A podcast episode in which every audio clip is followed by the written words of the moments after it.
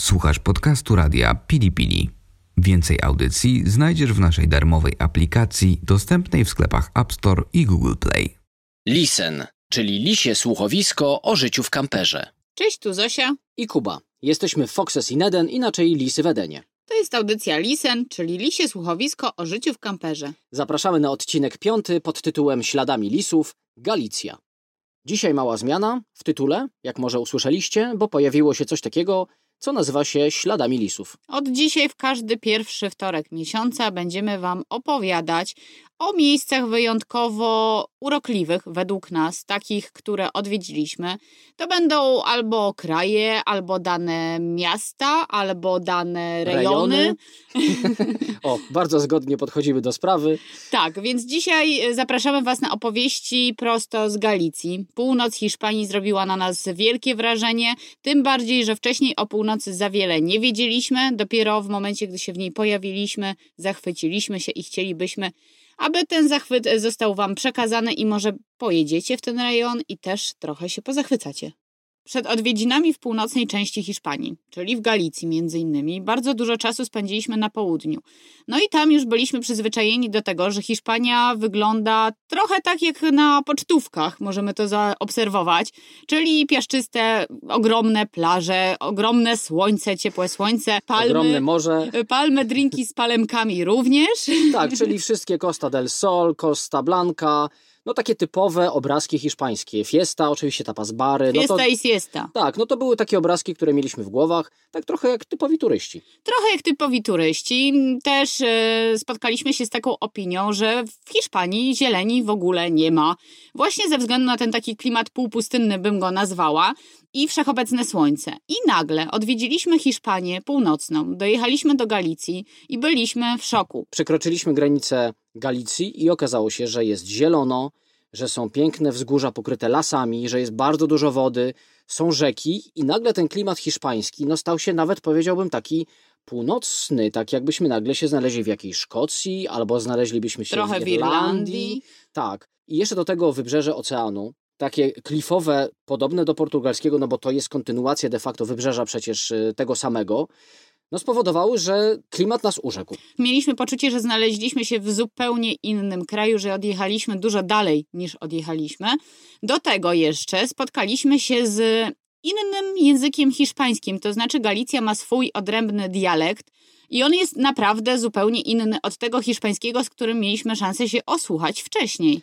A jak popatrzyliśmy na budynki, to też pierwsza nasza taka myśl była, kurczę, to jakby jakaś taka Francja jest północna, może Wielka Brytania, wszędzie kamień, budynki przestały być tynkowane, tak jak na południu na biało, Tak, malowane. białe miasteczka na południu są bardzo znane, Pueblo Blanco tak zwane, czyli no właśnie otynkowane budynki i do tego już byliśmy również przyzwyczajeni, a nagle na północy kamienne budynki, Surowe budynki, trochę średniowieczna architektura. tak, takie wrażenie właśnie troszeczkę takiej romańskiej architektury.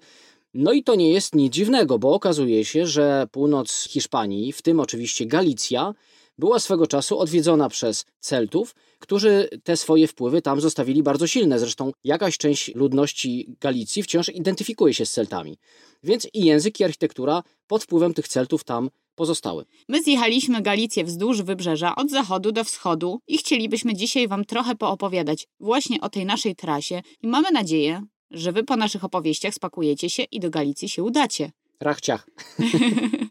Jako taki punkt wyjścia naszej trasy wzdłuż tego wybrzeża obraliśmy szlak latarni morskich. To jest szlak, który, jak można się domyślić, wiedzie od latarni do latarni, bo tych latarni w Hiszpanii jest bardzo dużo. Od przylądku do przylądku. No bo one zwykle się znajdują tak na jakichś takich ciekawych, bardziej wysuniętych miejscach tego wybrzeża. Natomiast oczywiście no, nie odwiedziliśmy każdej latarni, bo to byłoby już za dużo. I staraliśmy się wybrać takie, co według nas ciekawsze, te przylądki, takie bardziej znaczące latarnie. No i też na tym się oparliśmy. Pierwszy punkt, przy którym się zatrzymaliśmy, była to latarnia morska przy mieście Bayona. To jest dość turystyczne miasto, ale my na miastach się nie skupiamy. Nie, skupiliśmy się na tym, żeby dotrzeć do latarni. Ona jest troszkę dalej niż to miasto, w stronę jakby zachodnią i nazywa się Faro Velho de Sieiro. Trzeba przypomnieć, że my poruszamy się kamperem i zwykle zatrzymujemy się właśnie w takich bardziej magicznych dla nas przynajmniej miejscach, gdzieś, gdzie można zostać trochę dłużej niż jedną noc i z tej przestrzeni skorzystać. I tam też zatrzymaliśmy się na takim parkingu przystosowanym pod y, samochody osobowe. Y, dojazd nie był tak łatwy, jakby się mogło zdawać, ponieważ była droga dość mocno wyboista, kamienista. No, droga w dół. Do samej latarni wiodła taka droga ziemna, która była wypłukana po prostu deszczami, galicyjskimi deszczami, które często padają. I musieliśmy troszkę tą trasę tak przez parędziesiąt metrów obrać sprytnie, ale udało się i stanęliśmy właściwie nad samym oceanem. I przy przepięknej plaży. Ta plaża to była taka szklana plaża, która nas bardzo zachwyciła.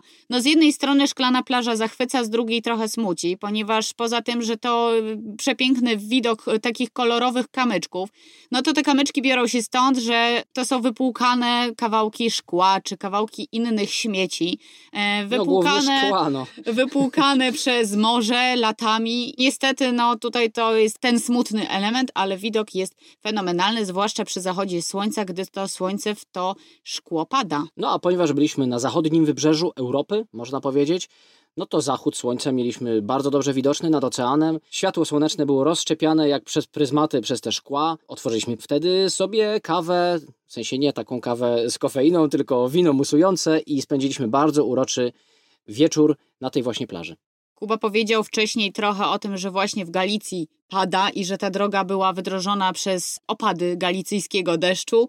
No i właśnie Galicja jest takim rejonem mocno deszczowym. Tutaj bez parasolki ani róż. I oczywiście na tej plaży spotkały nas deszcze, postanowiliśmy ruszyć dalej.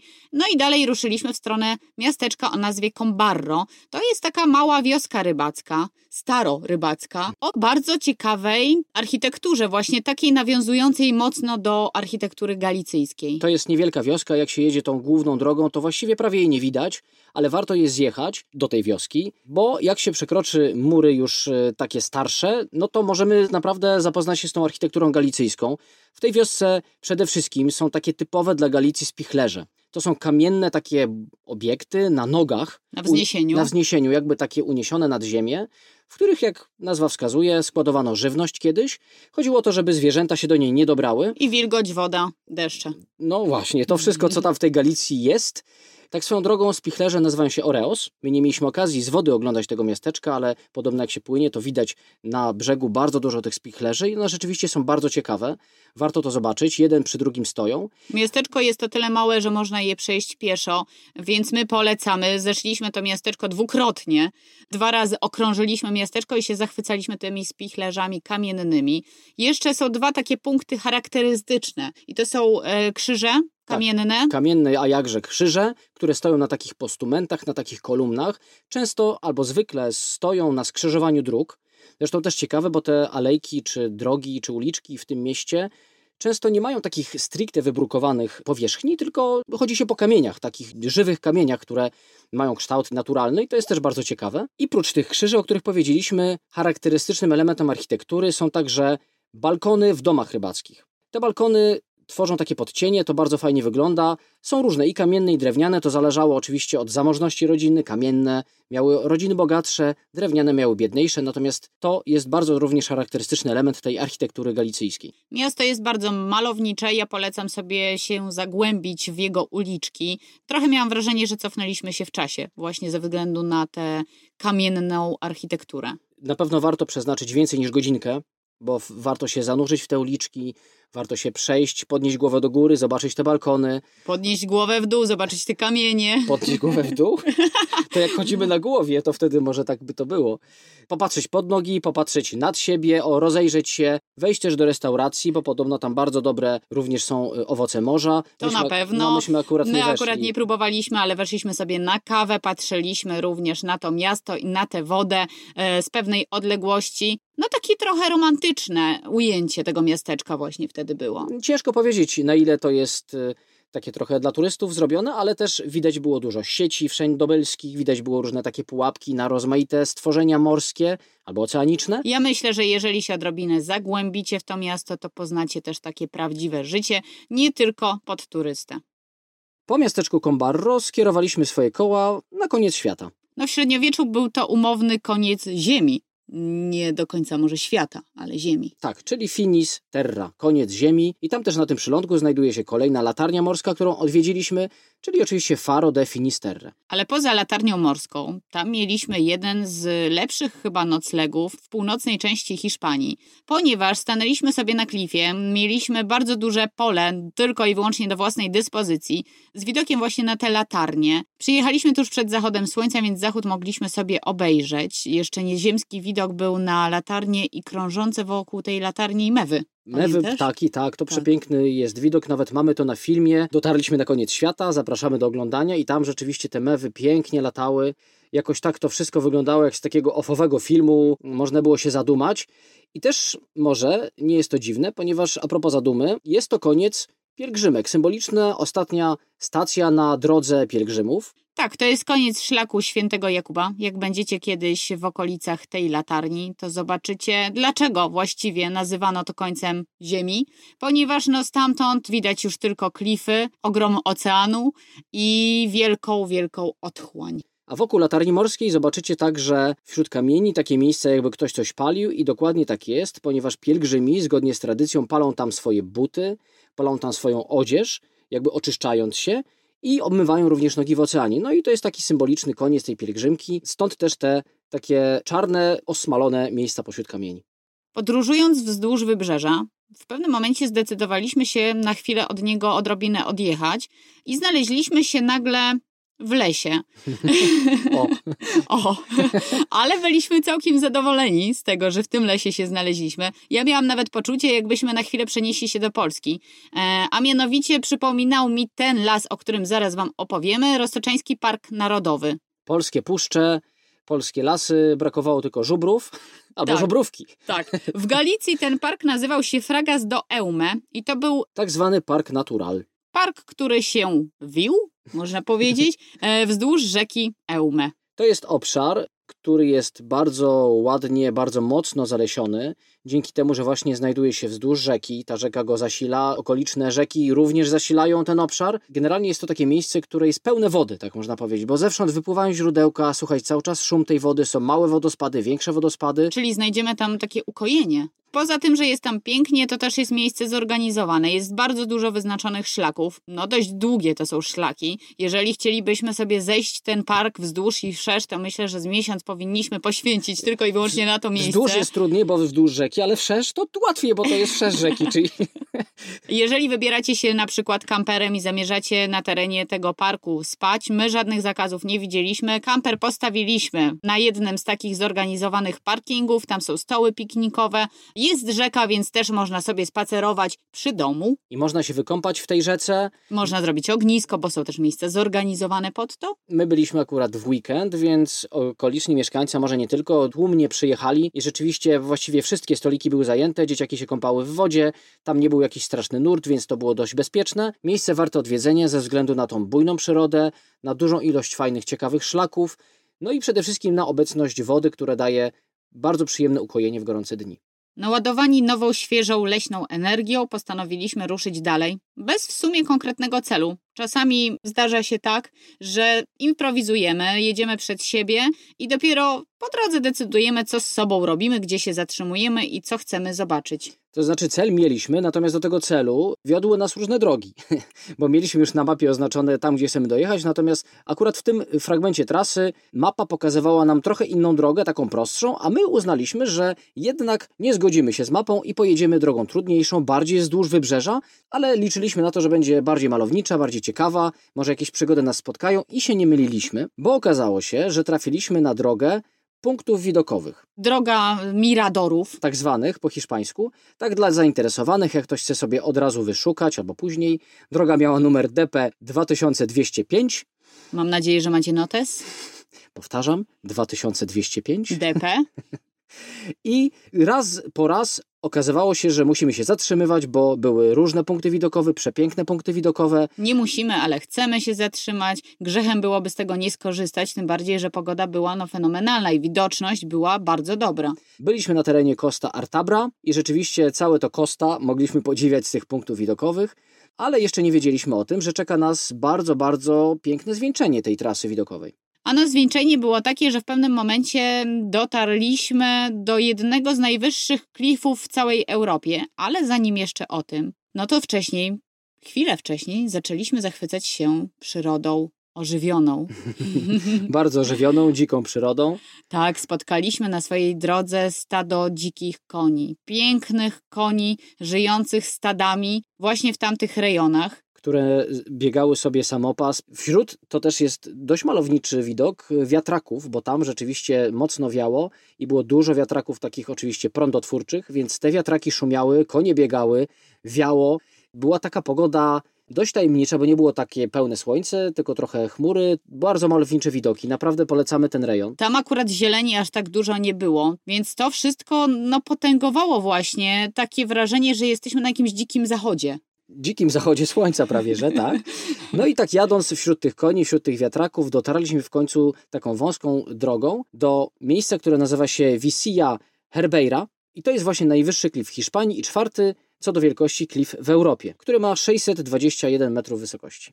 I znów poczuliśmy się, jakbyśmy znaleźli się w Portugalii. Klify, ocean, bardzo silny wiatr.